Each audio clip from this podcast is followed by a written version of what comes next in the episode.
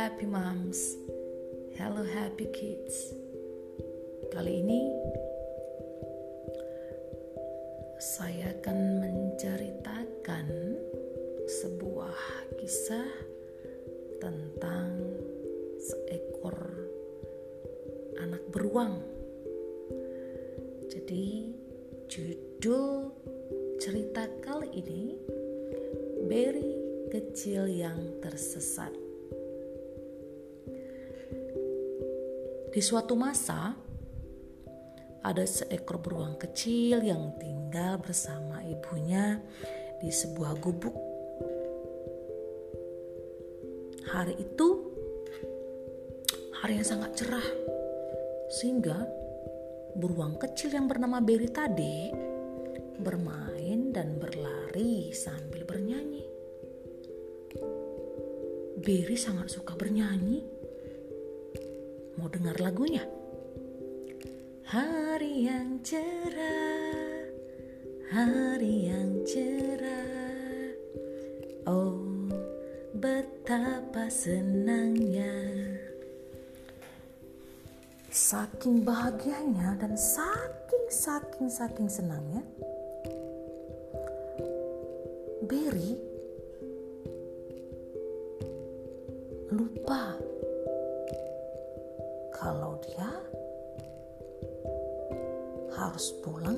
secepatnya ke rumah. Ternyata tanpa Berry sadari, dia sudah masuk ke tengah hutan. Berry melihat ke belakang. Wah, Mana gubuk tempat saya tinggal? Tidak kelihatan. Lalu Berry melihat ke samping kiri dan kanan. Ternyata sama juga. Cuma ada pohon-pohon tinggi. Berry terisak. Hmm, tidak. Dia berteriak dan memanggil mamanya. Namun, tidak ada jawaban dari Mama Berry. Berry ketakutan dan akhirnya menangis. Kemudian datanglah seekor monyet menghampiri Berry. Monyet ini berkata, "Kok menangis? Pasti kamu tak tahu jalan pulang kan?" Berry mengangguk lalu berkata, "Bantu saya cari jalan pulang."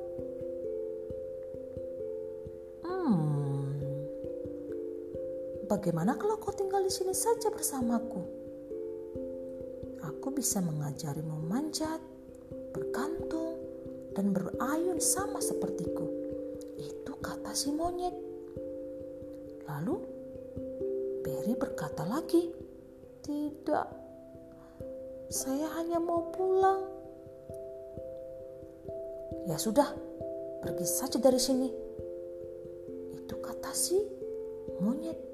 Lalu si monyet pergi meninggalkan Berry. Kemudian Berry melangkah lagi mencari jalan pulang. Ah, Berry kecapean dan dia berhenti sambil bersandar di bawah pohon. Sambil memanggil mamanya berkali-kali. Tiba-tiba seekor tupai kecil merasa terganggu dengan suara Beri. Kemudian tupai itu melemparkan biji-bijian ke arah Beri. Beri mendongak ke atas dan melihat tupai tertawa terbahak-bahak. Hahaha. Kamu tersesat kan? Berry mengangguk, lalu berkata, "Iya." "Kamu mau pulang?" Tanya si tupai lagi. Berry menjawab pelan, "Mau, mau, aku mau pulang." Lalu si tupai mengatakan sesuatu. Dia bilang begini, Hei beruang kecil, kalau kau mau pulang, kau harus melakukan sesuatu untukku. Beri senang. Kemudian bangkit berdiri. Beri bilang begini, apa itu? Katakan saja.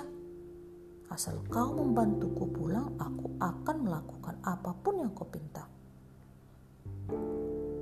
Baiklah, sekarang kau bawa aku menyeberangi sungai itu, ungkap si tupai. Untuk apa? Tanya Berry. Ah, jangan banyak tanya. Bawa saja aku menyeberangi sungai itu. Baik, tapi sekarang kau harus turun dari pohon itu. Kemudian kau naiklah ke atas bahuku. Aku akan membantumu menyeberangi sungai itu. Berry membantu si tupai menyeberangi sungai tersebut sambil berteriak, "Tupai, pegang bahuku yang kuat ya. Harus sungainya deras. Aku takut kalau kau terjatuh." Baik, aku sudah memegangmu erat sekali beruang. Beri dan Tupai akhirnya sampai di seberang sungai. Tupai kecil itu melompat dari bau Beri dan mulai memanjat sebuah pohon tepat berada di depan mereka. Lalu si Tupai berkata begini, Oke, sampai jumpa beruang. Semoga harimu menyenangkan. Lalu beruang berkata, Tapi bagaimana denganku Tupai? Kau tadi mengatakan akan membantuku untuk menemukan jalan pulang. Akhirnya bersedih. Lalu Tupai berkata, Bagaimana mungkin aku bisa membantumu beruang? Badanmu saja lebih besar dariku. Langkahmu saja lebih besar dariku. Suaramu apalagi? Bagaimana mungkin aku bisa menolongmu untuk cari jalan pulang? Sedangkan aku saja membutuhkan bantuanmu untuk menyeberangi sungai ini. Kemudian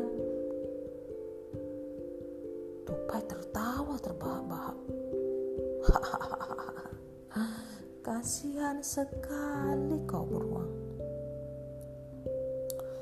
Dengan muka yang muram, Beri mulai melangkah lagi untuk menyeberangi sungai itu dan kembali ke titik semula.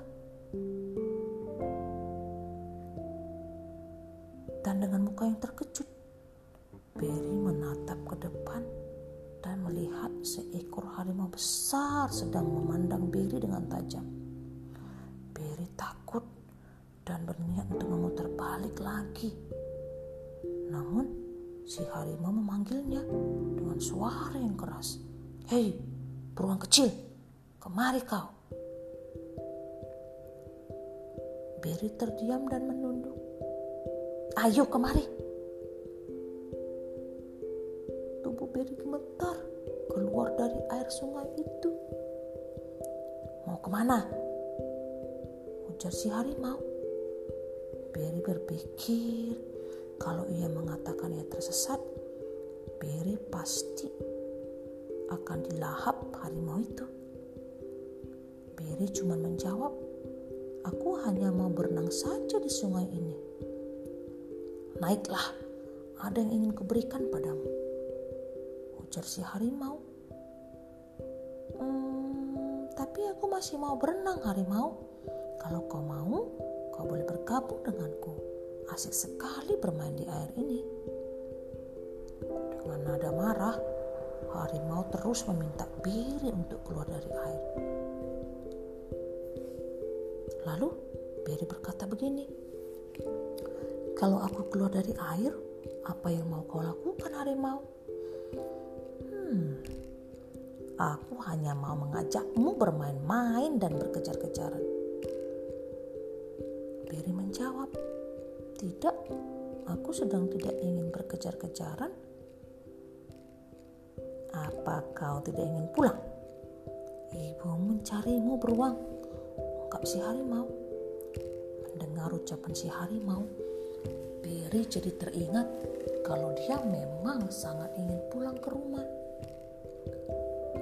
Pulang? Apakah bisa membantuku untuk mencari jalan pulang, harimau? Tentu saja, sekarang kau keluarlah dari air itu. Aku akan membawamu pulang bertemu dengan ibumu. Baiklah. Akhirnya Beri keluar dari air dan mengajak si harimau untuk segera pergi menyusuri hutan untuk membantunya mencari jalan pulang. Hahaha. Kau tertipu beruang. Aku cuma ingin memakanmu. Beri ketakutan. Dia menutupi rasa takutnya dengan menjawab si harimau dengan lantang. Apa kau mau memakanku? Tidak mungkin harimau. Kau tidak akan kenyang hanya dengan memakanku. Badanku kan tidak terlalu besar harimau. Kau lihat juga tajamnya kuku-kuku ini. Apa kau tak takut nanti mulutmu bisa sobek kalau terkena kukuku? Beruang kecil, apa kau mencoba untuk menakut-nakutiku? Tiba-tiba terdengar suara burung hantu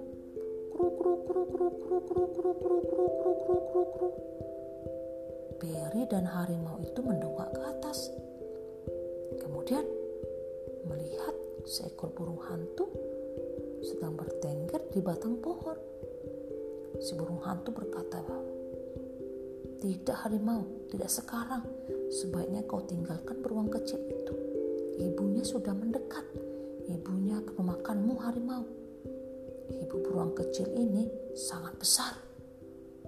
Lebih besar darimu, harimau. Sekarang kau pergilah dan bersembunyi. Cepat harimau, ibunya semakin mendekat. Tanpa pikir panjang, si harimau berlari sekencang-kencangnya. Ia melupakan niatnya untuk melapsi beruang kecil. Mama, Mama Beri, di mana Mama Beri? Beri takut sekali. Tidak usah khawatir beruang kecil. Aku hanya menakut-nakuti si harimau agar ia tidak memakanmu. Ibumu tidak ada di sini. Aku hanya mengelabui harimau jahat itu. Terima kasih kru kru kru kru. Ayo, sekarang kita pergi dari sini sebelum binatang buas tadi mengintaimu. Aku akan membantumu mencari jalan pulang. Kau ikuti saja aku. Tak lama kemudian, Beri kecil mendengar suara mamanya memanggil dengan sangat kuat. Berry, Berry, Berry. Oh, akhirnya kau pulang. Mama Berry memeluk Berry dengan sangat erat dan menciumnya berkali-kali. Kru, kru, kru, kru, kru, membantuku sampai ke sini, Mama. Burung hantu mengangguk dan terbang menjauh meninggalkan Berry kecil dan mamanya. Berry kecil menceritakan semua kejadian yang menimpanya hari ini. Berry merasa bersalah karena pergi terlalu jauh. Berry tidak akan mengulangi kesalahan itu lagi. Demikian ceritanya. Selamat mendengar, Mama dan juga adik-adik terkasih.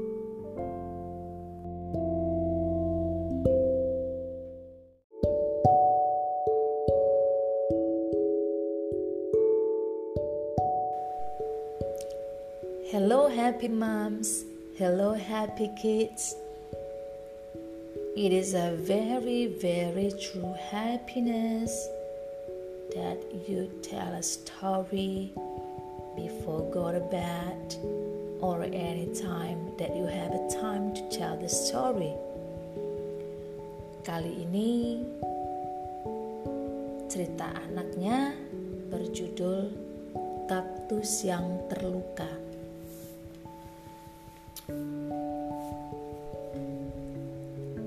Seorang anak bernama Sora merasa sedih sekali karena sering dihina oleh teman sekelasnya. Ia sering disebut cebol.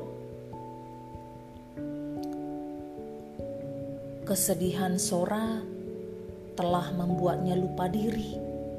sehingga ia melampiaskan kesedihannya dengan memotong semua duri kaktus dengan pisau.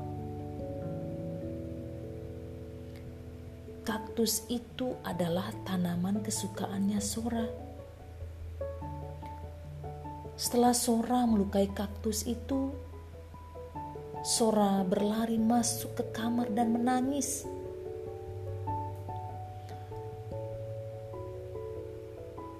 Luka pada kaktus itu mengeluarkan tetesan darah.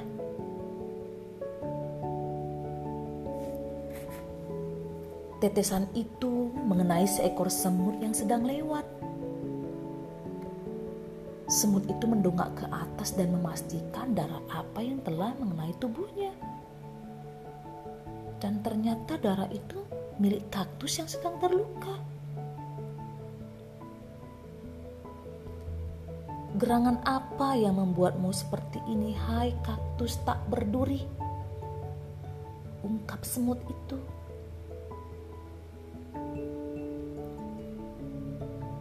Jawab kaktus sambil menangis. Semua duriku habis dipotong oleh suara kecilku.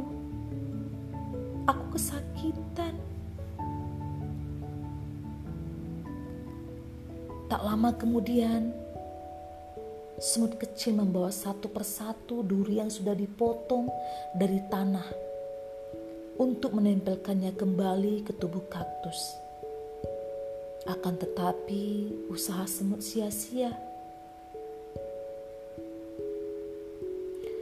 Lalu, semut berujar,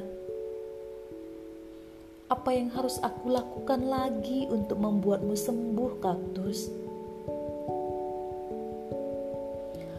Kau telah membuat dirimu lelah, semut. Sudah seharian kau mengumpulkan duriku yang terpotong namun duri itu tidak bisa menempel lagi di tubuhku. Tak lama, terdengar suara langkah yang mendekati kaktus dan semut. Oh tidak, maafkan aku kaktus kecil, aku telah melukaimu. Ujar Sora, menangis terseduh-seduh sambil memeluk kaktus. Sora membalut tubuh kaktus dengan perban.